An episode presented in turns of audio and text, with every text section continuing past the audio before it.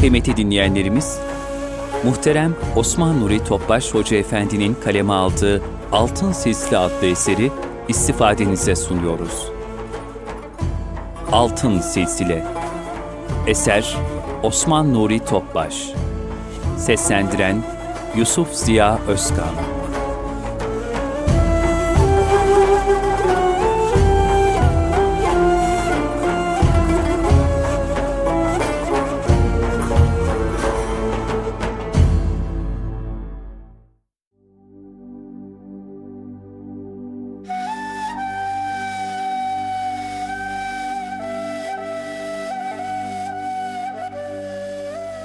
Altınoluk yayınları sunar. Altın Silsile. Osman Nuri Topbaş.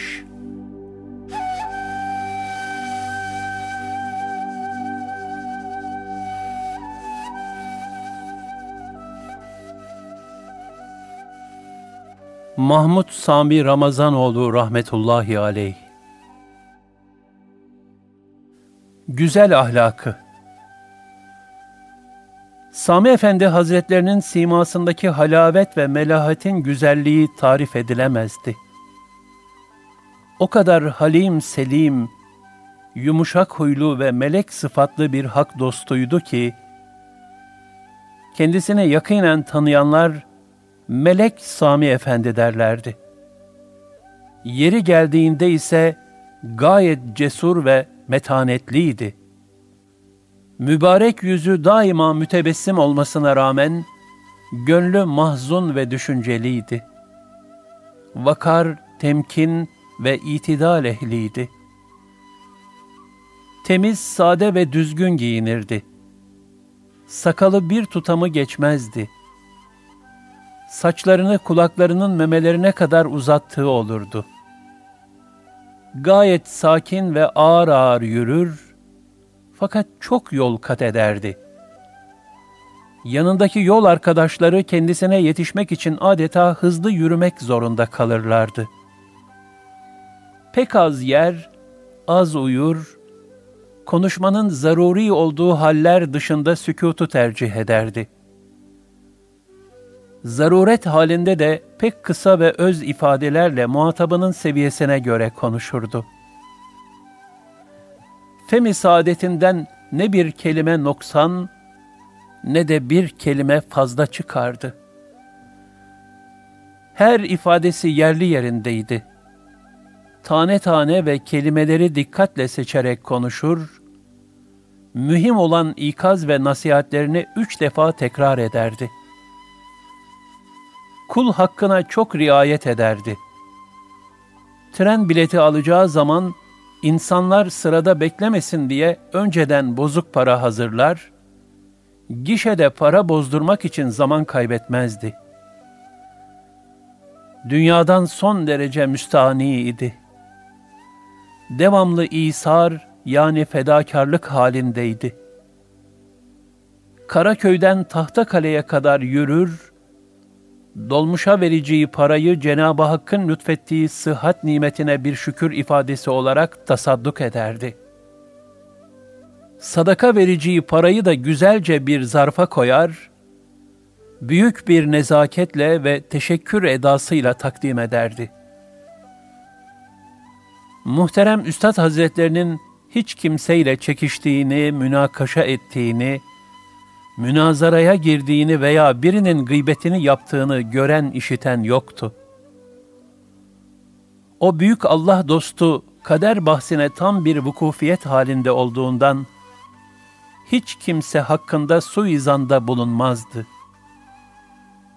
İlahi ahlakla ahlaklandığı için Cenab-ı Hakk'ın cemali sıfatlarından bilhassa Settarul Uyub ayıp örtücülük ve afuv, affedicilik sıfatlarının kamil tecellileri kendisinde apaçık görülürdü. Sevenlerini katiyen ümitsizliğe düşürmezdi. Huzur alilerine gelenler içinde ne kadar ihmalkar ve hatalı kimseler olsa da bunu yüzlerine vurmazdı. Fakat onlar da Efendi Hazretlerinin nazik bir üslupla yaptığı gönül alıcı ikazlardan gereken dersi alır, hallerini ıslah hususunda büyük bir gayret ve kararlılıkla huzurundan ayrılırlardı. Bir an olsun bir müminin hatta bir mahlukun kalbini kırdığı, gafilane harekette bulunduğu vaki değildi. Her hal ve hareketi ölçülü, nizamlı, yerli yerindeydi. Bu haliyle o adeta eddebeni Rabbi fe ahsene te'dibi. Beni Rabbim terbiye etti. Terbiyemi de pek güzel kıldı. Hadis-i şerifinin sırrından nasip almaktaydı. Sami Efendi Hazretleri hiç kimseye kızmaz, hiç kimseden kırılmaz, hiçbir iyiliğinden dolayı karşılık ve minnet beklemezdi. Kendisini sevenle yeren, güzel muamele edilmek bakımından nazarında eşitti. Kendisini yeren kimse hatasını anlayıp da samimiyetle özür dilerse hemen affederdi. Efendi Hazretleri herhangi bir sual karşısında veya açıklanması icap eden bir mevzuda bunu yapınız veya şunu yapmayınız gibi emir verir şekilde katiyen konuşmazdı.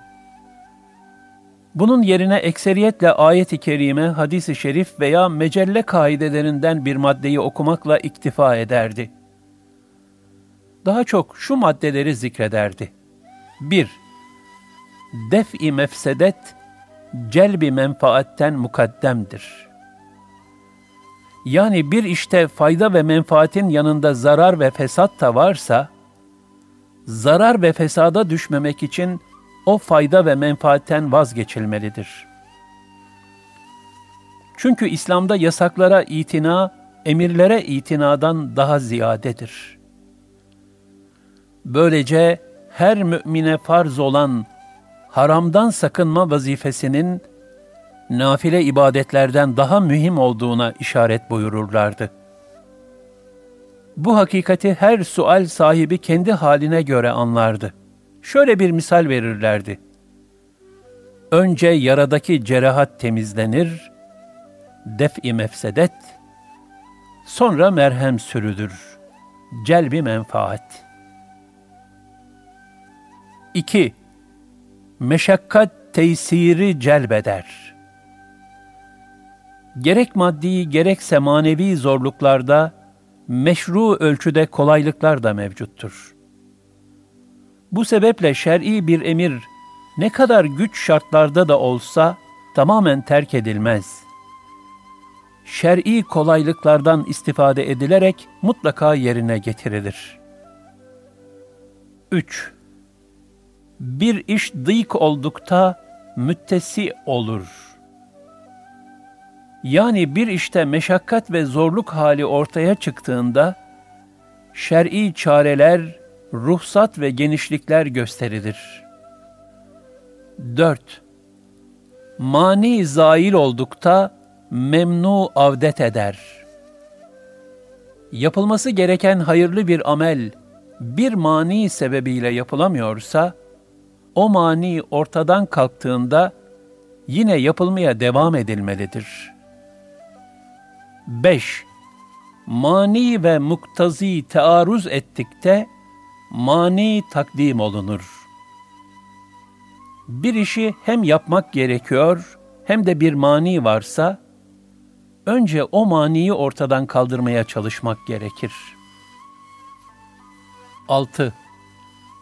Kim ki bir şeyi vaktinden evvel istical eylerse, mahrumiyetle muateb olur. Yani bir kişi acele ederek bir şeyi vaktinden önce elde etmek isterse, ondan mahrum edilmekle cezalandırılır. Sami Efendi rahmetullahi aleyh ayet-i kerimelere bilhassa Fatiha-i Şerife ile Ayetül Kürsiye Resul-i Ekrem sallallahu aleyhi ve sellem Efendimiz ve diğer peygamberlerin dualarına devam eder, kendisi bunların dışında Arapça veya Türkçe dua tertip etmezdi. Fesahat ve belagat için hususi bir gayret sarf etmemesine rağmen, sözlerinde fevkalade bir derinlik ve incelik sezilirdi. Öyle ki kendisini dinleyenler hayran olur, adeta manevi bir mıknatısa tutulmuş gibi huzurundan ayrılmak istemezlerdi.''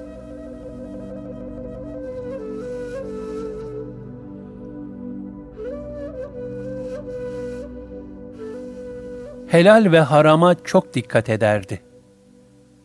Sami Efendi rahmetullahi aleyh, kendisinden nasihat ve ders almak için ziyaretine gelenlere ilk olarak mesleklerini ve helal haram hususuna dikkat edip etmediklerini sorar, daha sonra başka bilgiler alırdı. Bu husustaki tavsiyelerini de büyük bir nezaket ve zarafetle ifade ederdi. Sami Efendi rahmetullahi aleyh bir defasında bir nişan merasimine davet edilmişti. Damadın yüzüğünün Hazret tarafından takılması talep ediliyordu. Sami Efendi Hazretleri tepsideki yüzüğün altın olduğunu görünce, hiç kimseye bir şey demeden, kendi yüzüğünü çıkarıp damadın parmağına taktı ve bunu bugünün hatırası olarak kabul edin.'' Altın yüzüğü de hanımınıza hediye edersiniz buyurdu. Böylece İslam'ın altından yapılan süs eşyalarını erkeklere yasakladığını gayet nazik bir üslupla ve fiili olarak talim etmiş oldu. Helal lokma hususunda şöyle buyururdu. Kulun duasına icabet olunması için ilk şart, helal lokma ile gönül alemini ıslah eylemek Son şartsa ihlas ve huzuru kalptir. Yani Cenab-ı Hakk'a layıkıyla yönelmektir. Eğer ağza konulan lokma helal değilse, o kimsenin ihlaslı ve huzurlu olması, masivayı terk edip Hakk'a yönelmesi çok zordur. Haram lokma kalbi ve kanı bulandırdığı gibi, azaları da ifsad eder.'' Fena ameller işletir. Helal lokma ile beslenen kalp ve cesettense salih ameller sudur eder. Tıpkı temiz ve mümbit topraktan bereketli mahsul alınıp, çorak ve fena topraktan iyi mahsul alınamadığı gibi. Kazancın helal yollardan olmasına dikkat etmek lazım geldiği gibi, şüpheli lokmalardan da uzak durmalıdır.'' Karma karışık ve rastgele her lokmayı yemekten sakınarak alınan gıdanın tıyib olmasına, manen temiz ve hoş kokulu yani helal olmasına ehemmiyetle riayet etmek şarttır.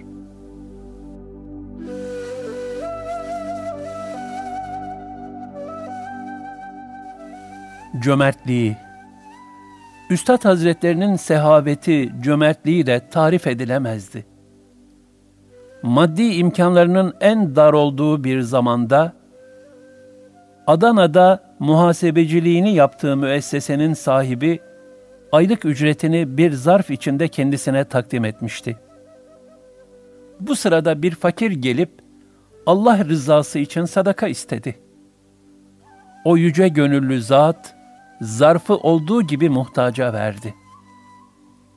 Gerek haç yolculuğunda, gerekse diğer zamanlarda bir fakir kendisinden aynı gün içinde defalarca yardım istese, katiyen geri çevirmez, ihtiyaçlarını güler yüzle ve ziyadesiyle verirdi. Bir defasında maddi yardımda bulunduğu bir fakirin bu paralarla lüks lokantalarda pahalı yemekler yediği şikayet edilmişti. Buna da cevaben Demek ki masrafı fazla. Leziz yemekler yemeye alışmış. Az vermek olmaz. Verdiğimizi çoğaltmalıyız buyurmuş ve verilen miktarı artırmıştı. Vermek, vermek, yine vermek. Kendisine hediye edilen en kıymetli halı, seccade, tesbih, kalem, kumaş ve emsali en nadide, paha biçilmez eşyayı günü gününe ehlini bulup vermek en büyük zevklerinden biriydi. Güneş gibi, ummanlar gibi sehavet ve merhamet merkeziydi. Kendisine müracaat eden birinin eli boş dönmesi imkansızdı. Cebinden eline geçen meblağ ne kadar büyük olursa olsun, tereddüt etmeden verirdi. Sanki Cenab-ı Hak gizli hazinelerinin anahtarlarını kendisine teslim etmişti. Devlet hanesinde çok miktarda çeşit çeşit yemekler pişerdi. Kendisi gayet az yer, büyük kısmı misafirlere ikram edilir, kalanlar da komşu evlerine gönderilirdi. Sami Efendi rahmetullahi aleyh, herhangi bir kederin izalesi için kendisine müracaat edenlere sadaka vermeleri tavsiyesinde bulunur ve dua ederdi.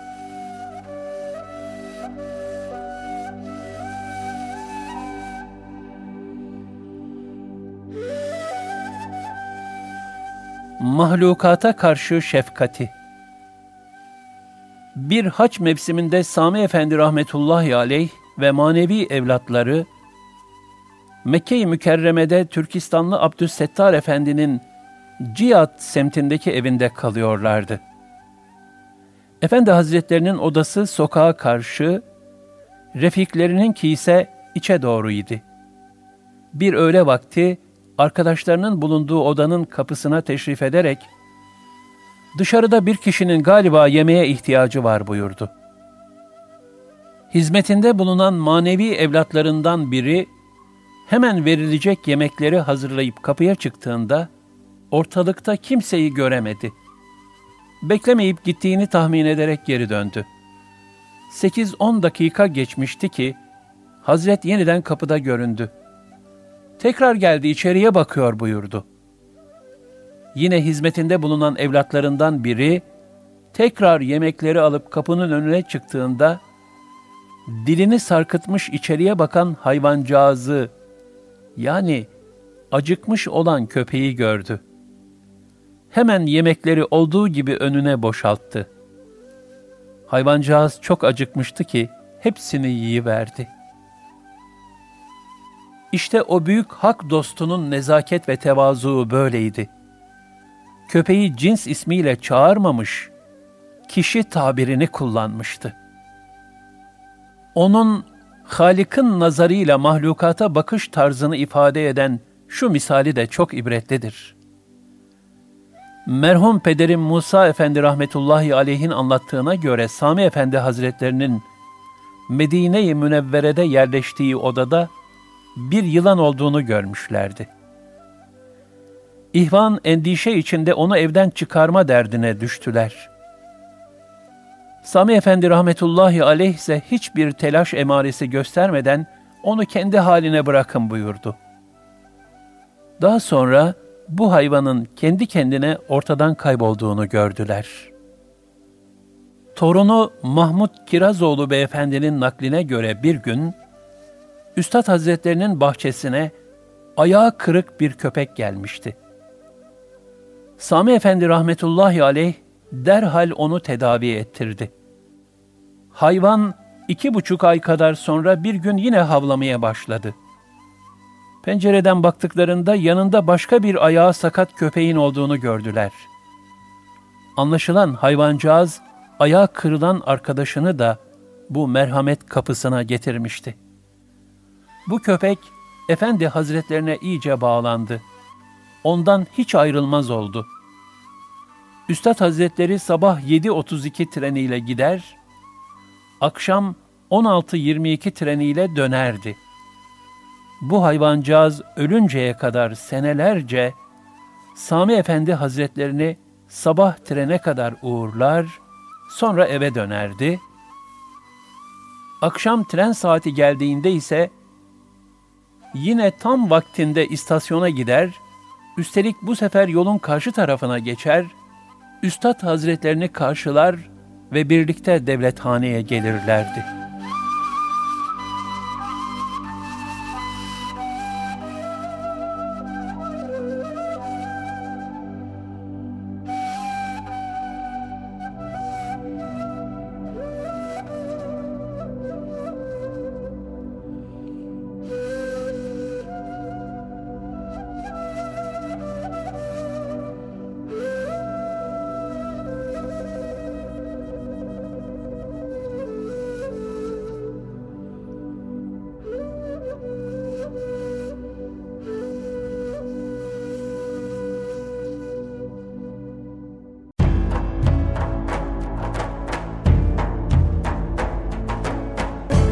Kalbin Sesi Erkam Radyo'da muhterem Osman Nuri Topbaş Hoca Efendi'nin kaleme aldığı, Yusuf Ziya Özkan'ın seslendirdiği Altın Sisli adlı eseri dinlediniz.